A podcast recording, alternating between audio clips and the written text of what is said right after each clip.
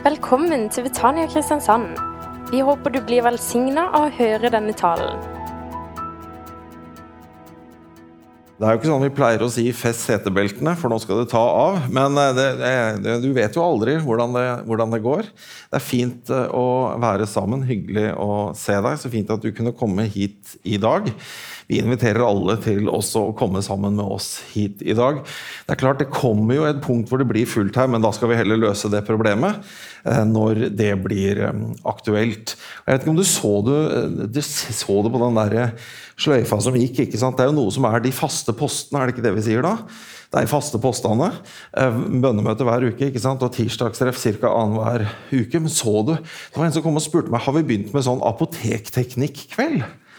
Det var litt eh, feilstaving ute og gå. Så det var apologetikk, vet du, og det høres jo fancy ut. Det betyr trosforsvar. Og det er egentlig noe som laget holder på med.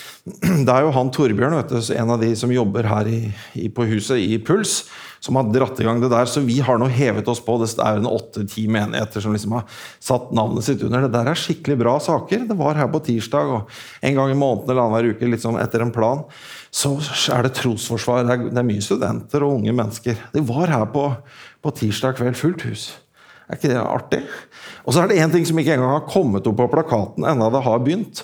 Du vet, Hver onsdag morgen vet du, så er det morgenbønn her. Det er det.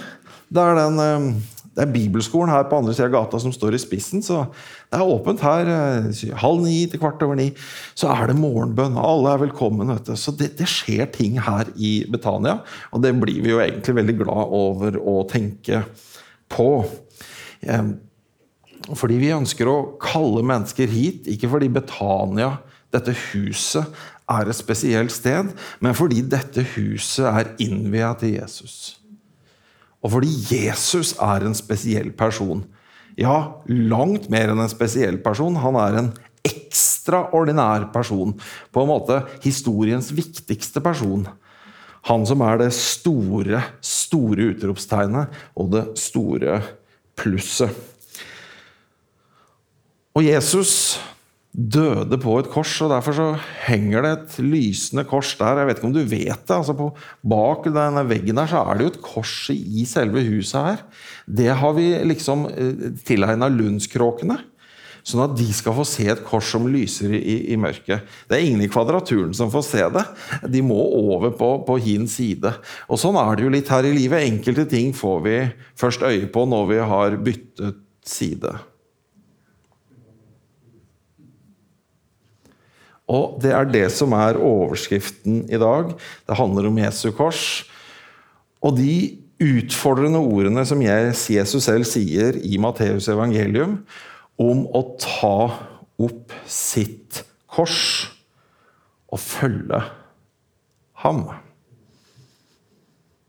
Nå skal vi se på noe av det Jesus sa.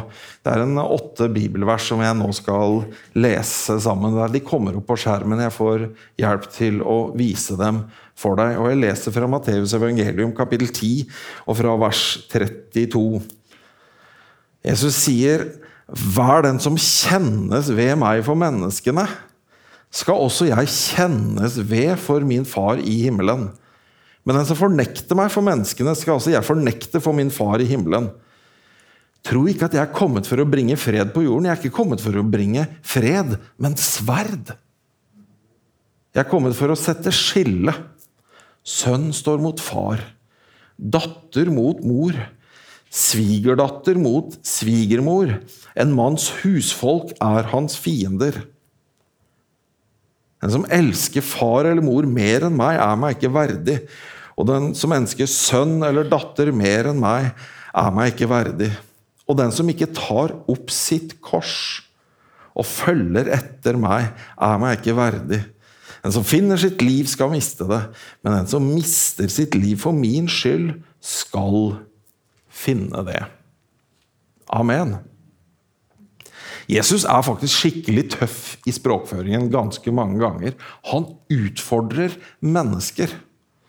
Vi har jo ofte den, jeg vet ikke om du tenker på den der sangen 'Milde Jesus'.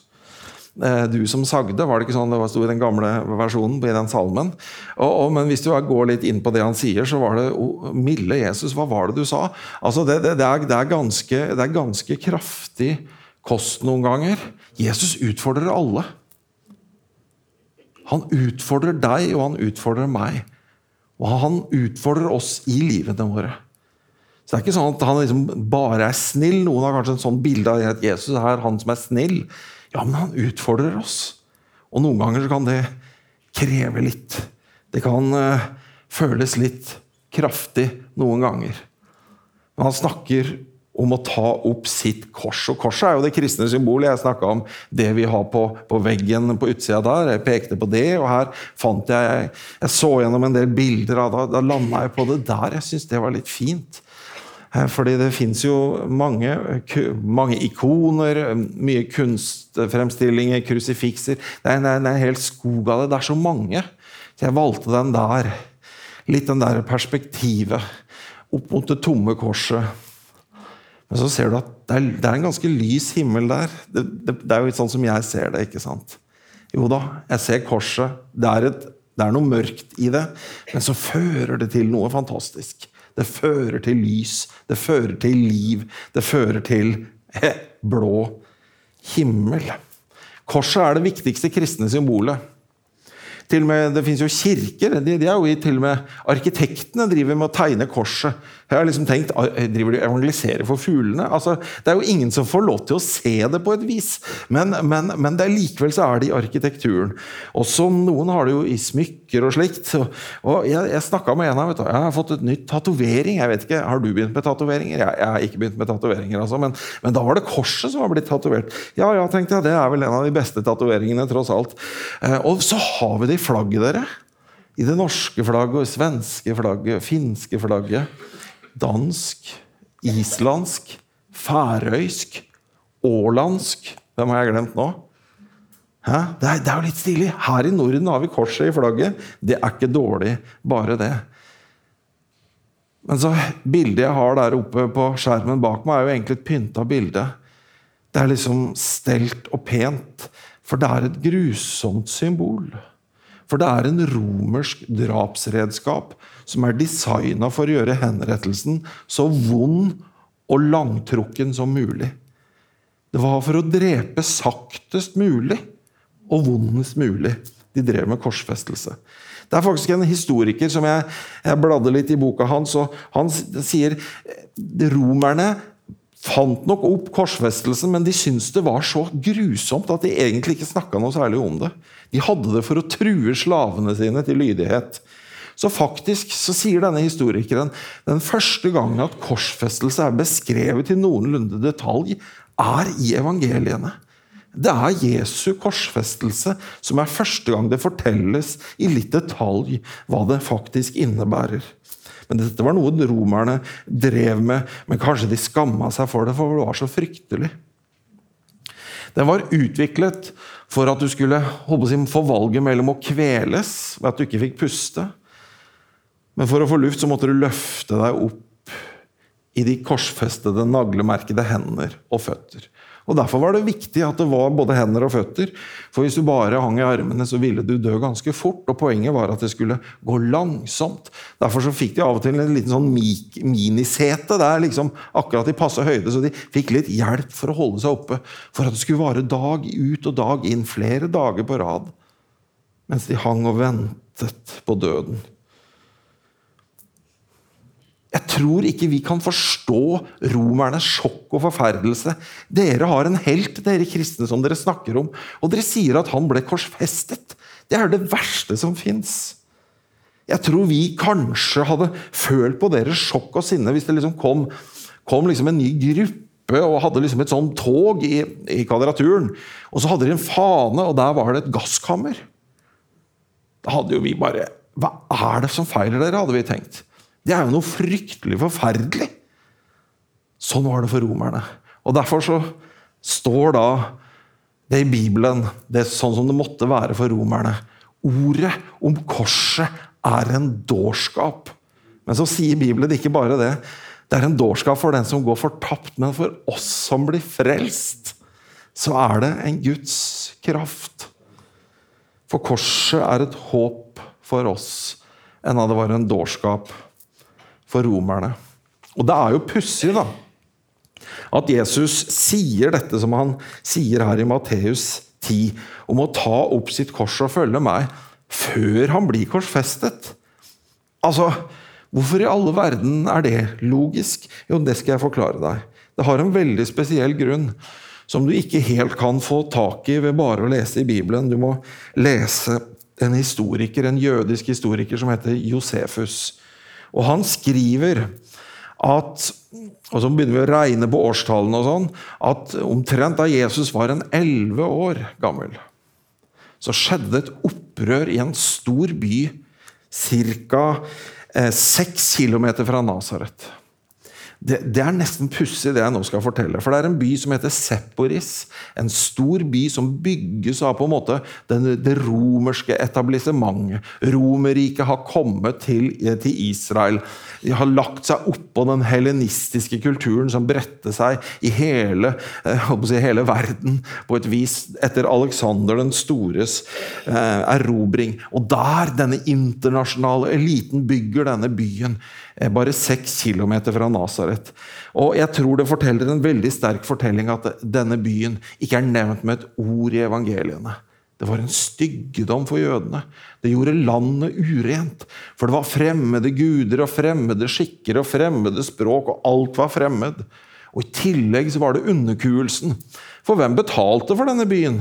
Ja, Det var jo derfor tollerne kom og samla inn penger for at denne rike overklassen skulle ha seg med flotte byer. Og Så fikk man jobb der, og så måtte man reise fra gård og grunn og inn til denne byen hvor det, hvor det ugreie skjedde. Hvor, liksom den, hvor, frem, hvor landet ble gjort urent. Der var det en kar som het Judas Galileeren, som lagde et opprør. Og eh, Josefus sier at det er den fjerde filosofien. Vi, vi kjenner til fariseerne, vi kjenner til sadukeerne fra Nytestamentet. Og så vet vi at uh, vi har funnet uh, biblioteket til esseerne, Kumran-tekstene. Det er den tredje filosofien, men Josefus kaller det han Judas Galileeren står for som den fjerde filosofi, et slags opprør. Men du skjønner, da slår romerne til med den andre, eller en av sine mange sider. De knuser opprøret med full makt. Vet du hva? De, de river hele byen Separis. De, de, de, gruslegger hele byen. Altså, de, de var voldsomme. Og for å virkelig markere poenget, siden dette var et jødisk opprør, så korsfester de 2000 jøder langs veiene ut fra Separis. det er liksom som lyktestolper. Jesus var 11 år. Han har gått forbi disse korsene. Dette var enten noe han hadde sett, eller noe som levde veldig sterkt i hans bevissthet. Og vi må bare regne det som overveiende sannsynlig at det var til å gjenoppbygge denne byen at Josef, tømmermannen eller bygningsmannen fikk jobb, og at Jesus selv har vært med å bygge den opp igjen, for der var det jobb å få. Der var det jobb å få. Og han visste om denne historien. De korsfestede langs veien. Tenk deg så fryktelig. Tenk deg så fryktelig. Men den dagen Jesus selv møter denne skjebnen om å gå korsveien, den fryktelige veien, så skjer det noe overraskende. Sånn som vi forstår det, så, så, ble de bedt om å bære korset, men vi tror det er altfor tungt. Det må være ganske solid struktur på det treverket der for at det skal bære vekten av et menneske, så at det nok er tverrliggeren, sånn som jeg kaller det. Tverrstolgene har et eget navn på den. Er det på latin eller på gresken? Det jeg, husker jeg ikke nå. Tverrliggeren som han bærer, men han klarer det ikke. Han er jo blitt pisket, i ryggen hans er ødelagt. Og da kommer det en, eller de gjør noe med saken, og da dukker dette verset her opp Simon fra Kyrene. Og de tvang en mann som gikk forbi. Jeg bare tenk på det. Hvor var han på vei, da? Hjem, kanskje? Eller skulle han til en eller annen påskemåltid med sine kontakter? De tvang en mann som gikk forbi. Det er vel et slags mareritt hvis du er på vei et sted, så liksom blir stoppa opp og forstyrra. Må liksom hjelpe til. De tvang en mann som gikk forbi, til å bære korset hans. Det var Simon fra Kyrene. Vet du hvor det er? Det er der de har hatt den fryktelige flommen i Libya nå. Han var afrikaner. Og siden Markus skriver som han gjør, så kjenner de vel han. Simon fra Kyrene, far til Alexander og Rufus.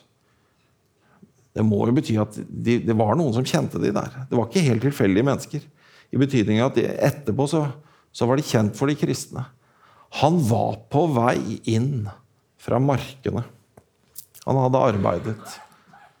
Og så er det en som har lagd denne tegningen som jeg, eh, som jeg fikk. Jeg vet jo ingenting om hudfargen til, til eh, Simon. Men han var afrikaner. Kanskje han var så mørk i huden? Jeg vet ikke. Det var i hvert fall denne mannen. Han var den siste som gjorde noe godt for Jesus. Ære være han for det. Og der står han på den tegningen som en som bærer Jesu kors. Korset skjønner du, gjemmer den viktigste fortellingen i verden. Det er evangeliet. Og, og, Det har på en måte fem elementer. Det første elementet er at alle har syndet og er skilt fra Gud. Dette, dette tror jeg var en veldig vanlig forståelse eh, for si 100 år siden her til lands. Folk anerkjente denne sannheten. I dag er den veldig upopulær. Ikke kom til meg og si at jeg er synder, jeg er da like bra som deg. Det er ikke det jeg sier. Jeg sier at alle er syndere. du skjønner. Jeg har nå fått jeg, den beste medaljen jeg kan få. Si, kongens fortjenestemedalje i tinnfolie. Nei, jeg vet ikke altså hva, hva er denne fortjenestemedaljen? Tilgitt synder, står det der. Er det noen flere tilgitte syndere her? Du skjønner, Det er noe av det beste som fins. Vi er tilgitte syndere. Men bare for å komme inn i det, så, så må du være ved det derre Jo, jeg trengte den tilgivelsen, og da er tilgivelsen der. Det er korsets evangelium. Hvordan, og Noen liker jo ikke dette. Du får tenke på som høydehopp. da. Lista ligger på 2,50. Lykke til.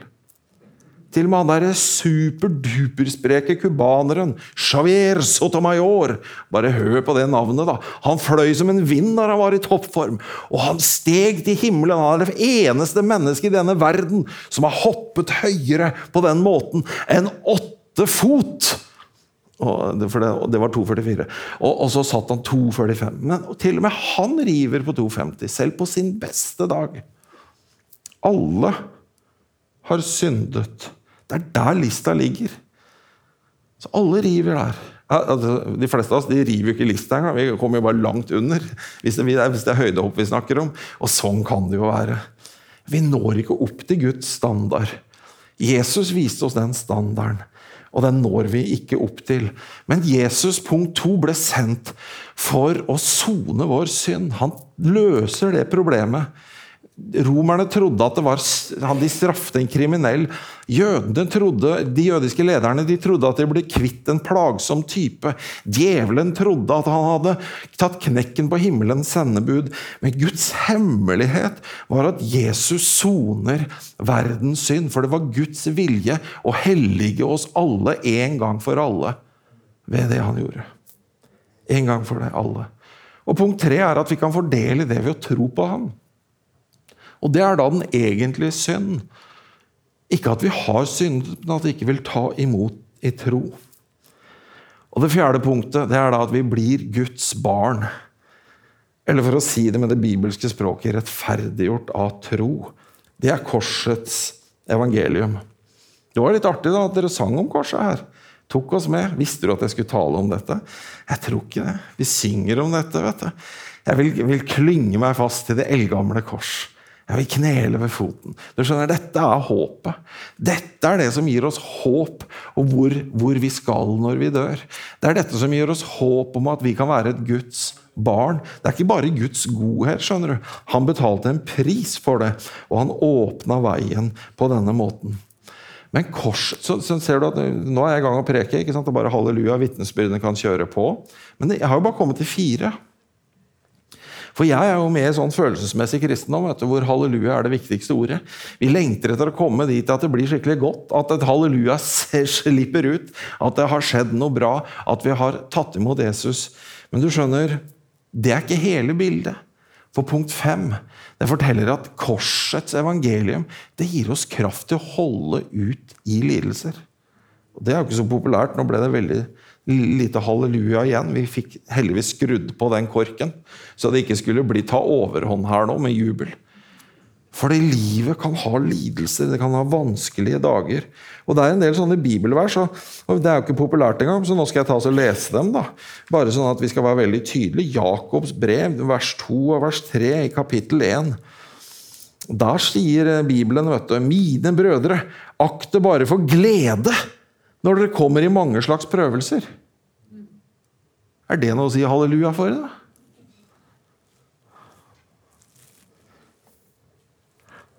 Det var en predikant som eh, kom veldig i siget. Kristian het han. Så, så, der var det blomster, vet du. Så han føyk jo hele blomsterkassen bortover. Da, og da ropte ei dame 'halleluja'! Hva? Er det noe å si halleluja for? da? Han ble sikkert litt sånn ergerlig, da. Ja, halleluja for Jesus i alle fall! Ja, ja, det er jo innstillingen vår. Ja, halleluja for Jesus i alle fall, selv om blomstene fyker, og selv om lidelsene kommer. Akt det bare for glede når dere kommer i mange slags prøvelser. For dere vet at når troen blir prøvd, virker det tålmodighet. Jaha, så det fører til noe godt. Det føles jo vondt ut. Ja, men det fører til noe godt. Ja, Det har jeg ikke tid til å vente på akkurat nå. Nei, selvfølgelig har du ikke det. Men det er det Bibelen oppmuntrer oss med. Evangeliet som gir oss kraft til å stå igjennom det vanskelige.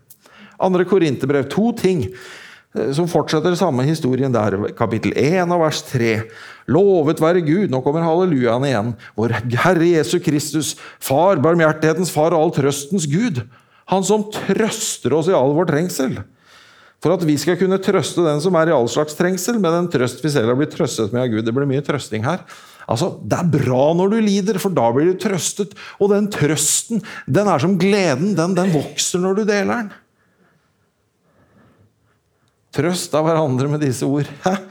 Og så står det For like som Kristi lidelser kommer over oss i rikt mål, er også trøst, vår trøst rikelig ved Kristus.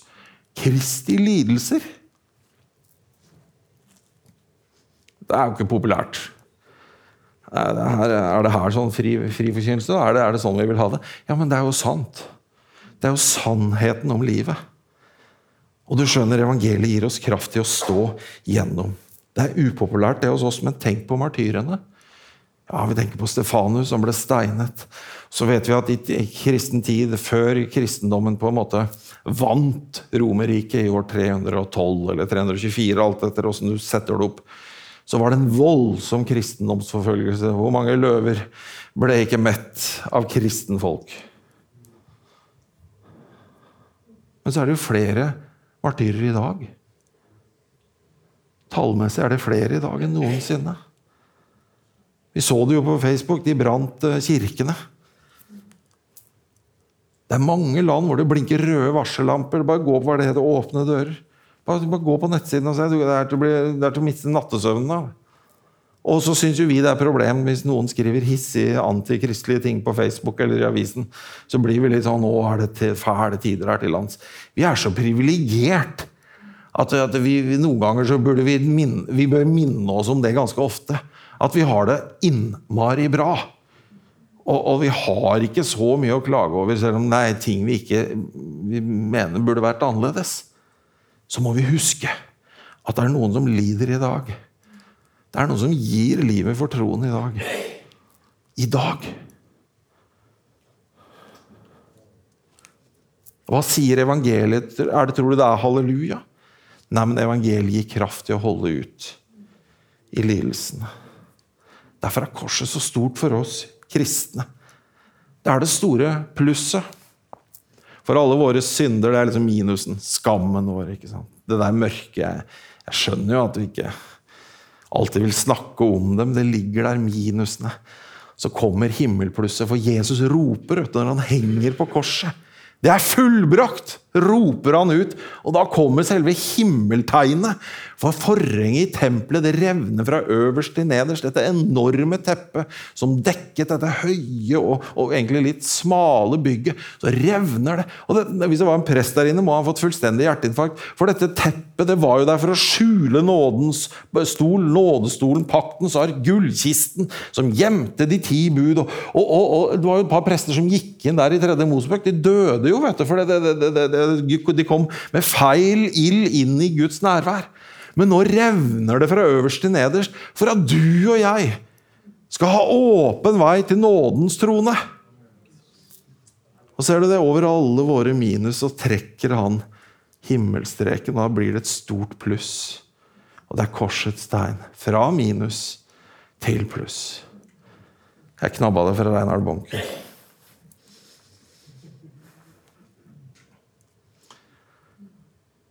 Altså, når vi ser på korset du, Jo da, vi vet jo når vi minnes på det at det er et sånt drapsinstrument.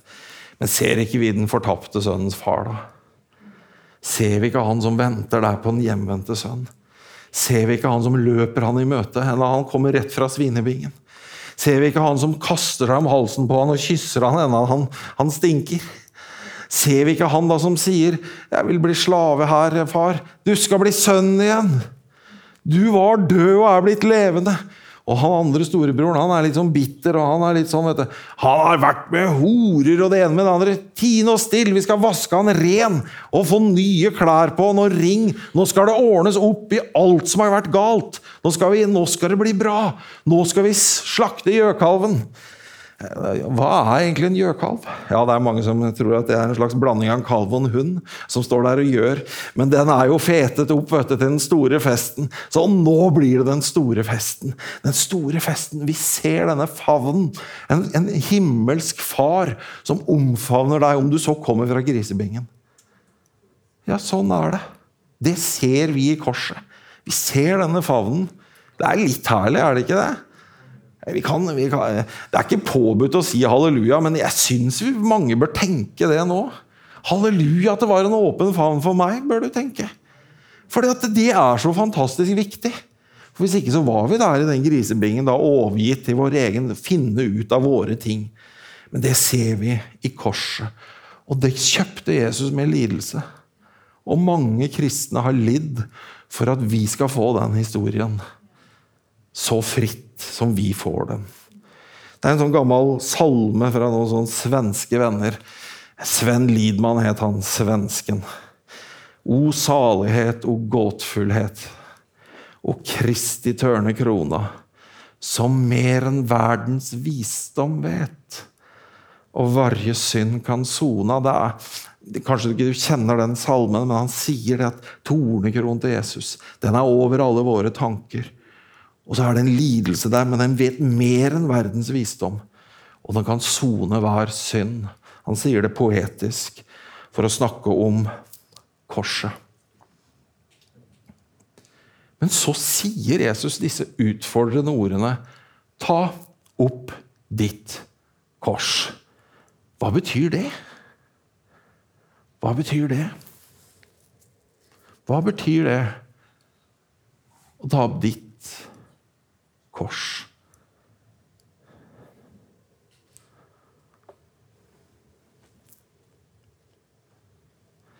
Ja, det kan jo bety ta ansvar i sitt eget liv.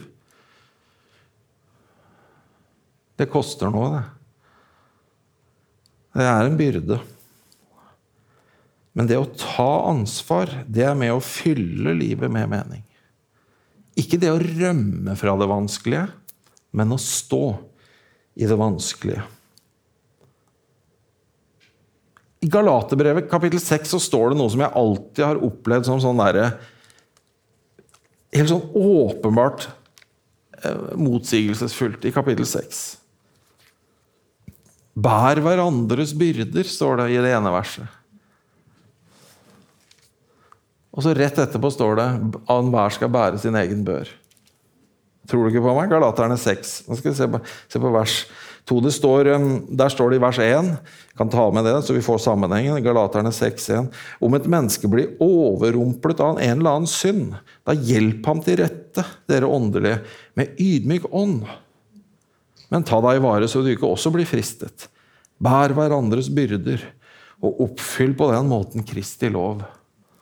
Ja, Det som beskrives her, er jo dette med at ja, vi, vi skal ikke leve på den dårlige måten lenger. Vi, vi, oppmuntres jo til å leve et godt liv og være til velsignelse, istedenfor å ødelegge for andre mennesker og skade våre relasjoner. og, og, og gi oss hen til disse negative tingene som kan være fristende.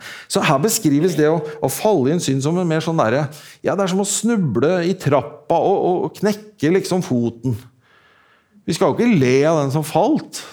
Det, det, gjør vi jo dessverre. Sånne, vi, vi, hvis du ser på sånne sketsjer, så klarer vi jo ikke å la være å le litt hvis man faller med hodet i, i bøtta. Liksom, så, så le, fniser vi jo av det. Det er pussig, det der. Vi, vi, ler av hverandre. Men vi må jo hjelpe den.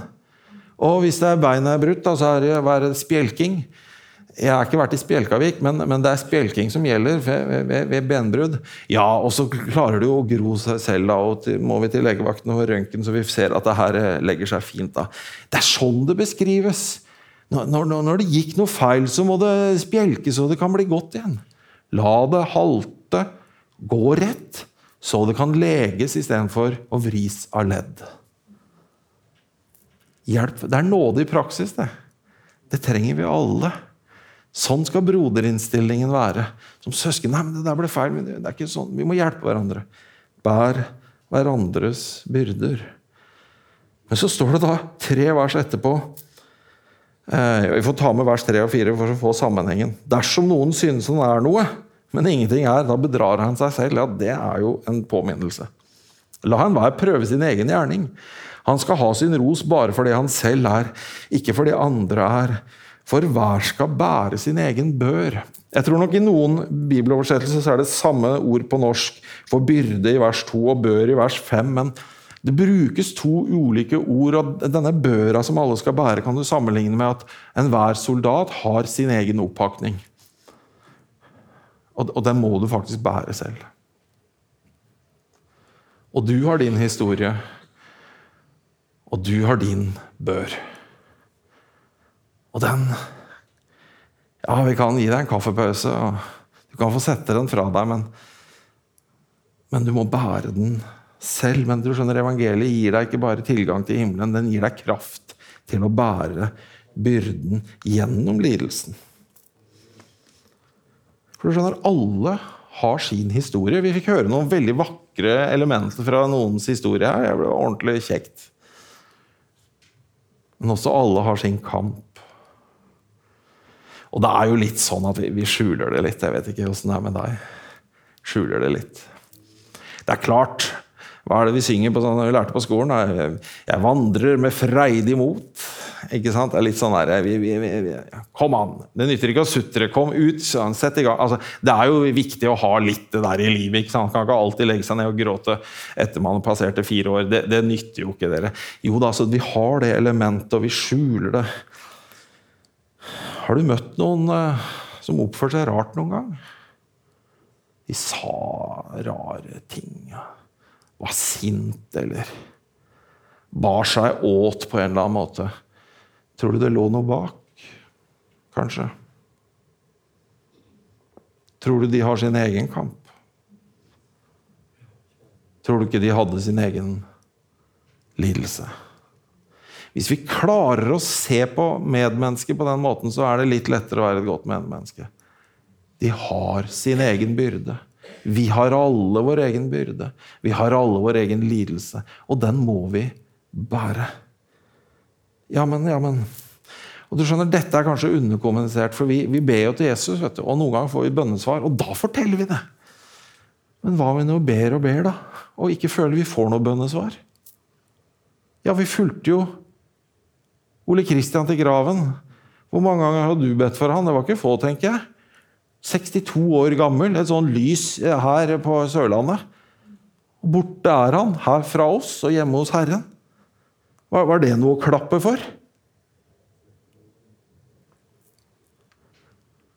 Det er derfor vi trenger Det gamle testamentet, f.eks. jobb. Har, alt er jo supert i kapittel 1, og så begynner vanskelighetene.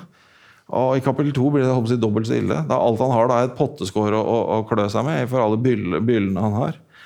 Og så vet du, så kommer disse tre rådgiverne som får eh, de får vel litt eh, dårlig skussmål. Husker du forresten hva de heter? Det er dagens søndagsskolespørsmål for de voksne. Hva het de tre rådgiverne til jobb? Og Så er det 20 kapitler med de, og så kommer han Elihu. og Han var liksom dagens høydepunkt, for det var litt bedre. Men han må gi opp, han også. og Til slutt så kommer Gud. For jobb har jo så mange spørsmål uten svar. Det er jo halve lidelsen. Hvorfor? Hvorfor? Hva har jeg gjort galt? Hvorfor skal dette ramme meg? Men hva svarer Gud? Det er sånn fire kapitler med mer spørsmål. Hvem slapp fjellgeiten fri? Det er sånne kjempevanskelige spørsmål. Som, er det det som er problemet? Hvem som slapp løs det dyret? Og så i kapittel 42 Etter 39 kapitler med spørsmål uten svar midt i lidelse, så kommer liksom bønnesvaret. han, og Det er noe av nøkkelen. Han ber jo for disse tre kameratene sine, og han blir dobbelt så rik. Men jeg har en nyhet for deg. Gud er med deg. Men jeg kan ikke love Jeg håper jo at du er i kapittel 41, selvfølgelig. Men evangeliet er stort også hvis du er i kapittel 4. At du har en lang og tornefull vei foran deg. Gud er med deg. Gud er med deg likevel. Ja, men jeg, ja, det er spørsmål uten svar. Og tenk på martyrene. De stryker vel med i kapittel 31 eller 37 eller når det er. De kommer ikke fram til det der. De er i lidelsen. De dør i lidelsen. Ja, men vi har jo løfter. Den store helbredelsen, siden jeg nevnte dette med sykdom, det er jo når vi får herlighetslegemene. Sånn som Jesus hadde. vet du, Han gikk jo gjennom dører. Og, og, Han spiste sånn honningkake. Det var jo bare for å vise at han kunne spise, ikke fordi han var så sulten. Bare se, jeg kan spise. Jeg er ikke et spøkelse. Jeg er noe. Ja, men vi kjenner deg igjen. Vi kjenner deg ikke igjen. Du går gjennom dører, og så er du her, og så er du der. Ja da, du får forklaring. Dette er helbredelsen som kommer. Og de helbredelsene vi opplever når vi får bønnesvar, det er bare sånne forsmak. Bare tenk på han Lasarus. Han var jo død, og så ble han levende. Men uh, har du møtt den i det siste? Er han der nede på, i Jerusalem og kan liksom gå og hilse på oss? Nei, hvor var det det var? Betania? Kan vi treffe han der nede på sånn bibeltur? Nei, han er jo død! Han døde igjen enda han ble vekket opp fra de døde. Altså, Akkurat det skulle vært litt interessant å snakke med han før andre gang han skulle dø. Det, det synes jeg hadde vært litt sånn Har du noe å fortelle, Lasarus? Hva skjer, liksom? Jeg er jo litt han, Jeg tror det hadde vært interessant å høre med han hva, hva han hadde å fortelle eh, om, om, det der. Men ikke bare døde han én gang, han fikk dø to ganger. Enda han hadde blitt vi ser det som så fantastisk, han ble vekka opp i livet. To ganger måtte han dø. Du skjønner, lidelsen, utfordringen, den er forskjellig. Historiene er forskjellige. Byrden er forskjellig. Men han er der og gir oss kraft til å ta opp vårt kors og følge han. Kraft til å holde ut. Og så har jeg tenker på han der Simon, da. Han Simon fra Kyrene. vet du. Jeg sa jo det at Markus liksom skriver jo var Simon, far til Alexander og Rufus. Og det der har fått Og nå kommer det en liten spekulasjon her. Blir du med meg på en liten spekulasjon? Jo, for det står noe interessant. Det står i Apostelens gjerninger, kapittel 11.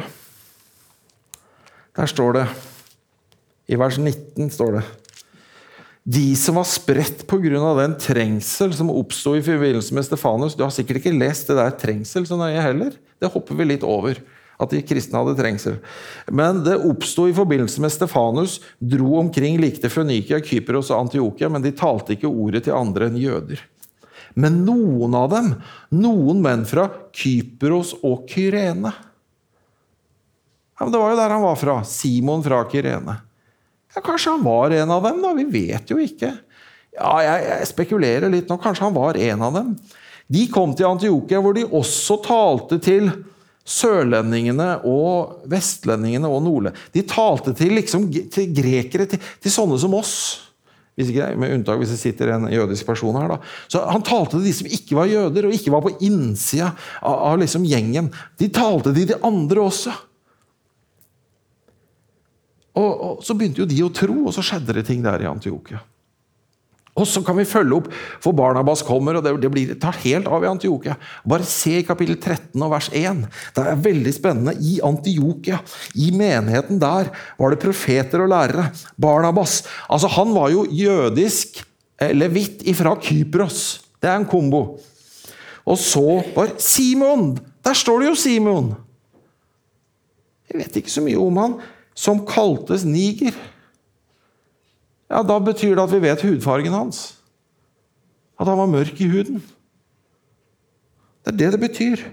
Jaha, Simon som kaltes niger. Ja, er det han Simon fra Kirene, da? Vel, det står om Lukius fra Kirene. Om, og hør på dette, om Manain, fosterbror til fjerdingfyrsten Herodes. Han er jo prins, da, mer eller mindre, i det herodianske dynastiet. Han kommer ifra den øverste overklassen i dette etablissementet. Der kommer han fra. Og så Saulus fra Tarsus, kranglefanten. Eh, han krangla med alle. Og, så, og så er han med i det. For et spennende miljø. For en multietnisk menighet. Det er, burde vært et ideal for oss. Så mange folkegrupper og forskjellige land og folk i én sammen. Fantastisk. Var han der? Simon fra Kyrene. Jeg har tenkt han kanskje var det. I hvert fall står det en morsom ting i Romerbrevet kapittel 16. Romerbrevet kapittel 16 det er sånn, nesten sånn nærradio. Jeg ringer for å hilse til mamma. Det er så mange hilsener i Romerbrevet kapittel 16, så det skulle nesten vært avskrift fra et sånt nærradioprogram. Og der står det i Romerne 16, 13 Hils Rufus. Ja, det er jo han. Det er jo sønnen. Hils Rufus, den utvalgte Herren, og hans og min mor. Ja, hva betyr det jo at hun Er de brødre? Jeg, jeg tror hun har vært veldig snill med, med Paulus, denne fru Simon eh, Kyrenis, eh, som, som, er inne i bildet der. Ja, jeg er ikke helt sikker på denne tolkningen, men jeg syns jeg ser en reise som begynner der i Afrika som er innom i Jerusalem og er der på den første påsken. Så er det innom i Antiokia, der skjer det ting i den menigheten. Han blir forma. Og så eh, Sønnen vet du, ender opp i Roma, verdenshovedstaden, midt i det spennende menighetsmiljøet der, som er på en måte bortenfor de, de apostlene vi kjenner fra Skriften. De har, liksom, de har bare begynt av seg selv og blitt en menighet som, som ender opp med å bli veldig viktig for de kristne. Der kommer jo etter hvert Paulus, og der kom Peter og Paulus også, og Markus, og der, der blir blir Markusevangeliet til i den menigheten. Det er en kjempespennende Ser du den reisen? Det var jo en fantastisk reise. Det er det jeg ser med Simon fra Kirene. Han tok opp det korset. Så ble det starten på en veldig spennende livsreise. Korsveien er ditt livs eventyr.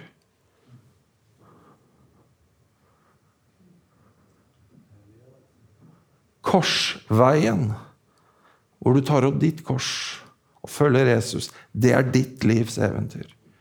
Det vil gi velsignelse, langsiktig velsignelse, om det så går gjennom lidelse og så mange spørsmål uten svar. Så er det en velsignelse i den veien. Når vi er villige til å ta opp vårt kors og følge Jesus. Vi kan se på det som vår livs pilegrimsvandring. Hva er betyr det for deg å ta opp ditt kors og følge Jesus? Han er med deg i din lidelse. Du vet, Han gikk jo til korset. Han grua seg. Han ba i Getsemane. vet du. Gud, la meg slippe. Min far. La begeret gå meg forbi. Men skje ikke min vilje, skje din vilje. Det er noe det er noe intenst i den Getsemane-bønnen. Og når du og jeg har det vanskelig, og så kan vi tenke på de som har det vanskeligere enn oss, så er vi der i den bønnen. Og du skjønner det, Han ba den alene, og alle de gode vennene de hadde sovna. Men han våker. For han slumrer ikke og sover ikke. Han er Israels vokter. Så når du er der i den mørke timen, så våker han med deg. Han ber med deg. Du er ikke alene. Du føler deg alene. Vi føler oss alene. Men vi er ikke det. For han er med oss. Din kjepp og din stav, den trøster meg. Om jeg så vandrer i dødsskyggens dal. Var hans løfte 'Jeg er med dere alle dager'. Alle dager. Amen. Du har nå hørt en tale fra Betania Kristiansand. For mer informasjon kan du besøke våre hjemmesider på betaniakrs.no.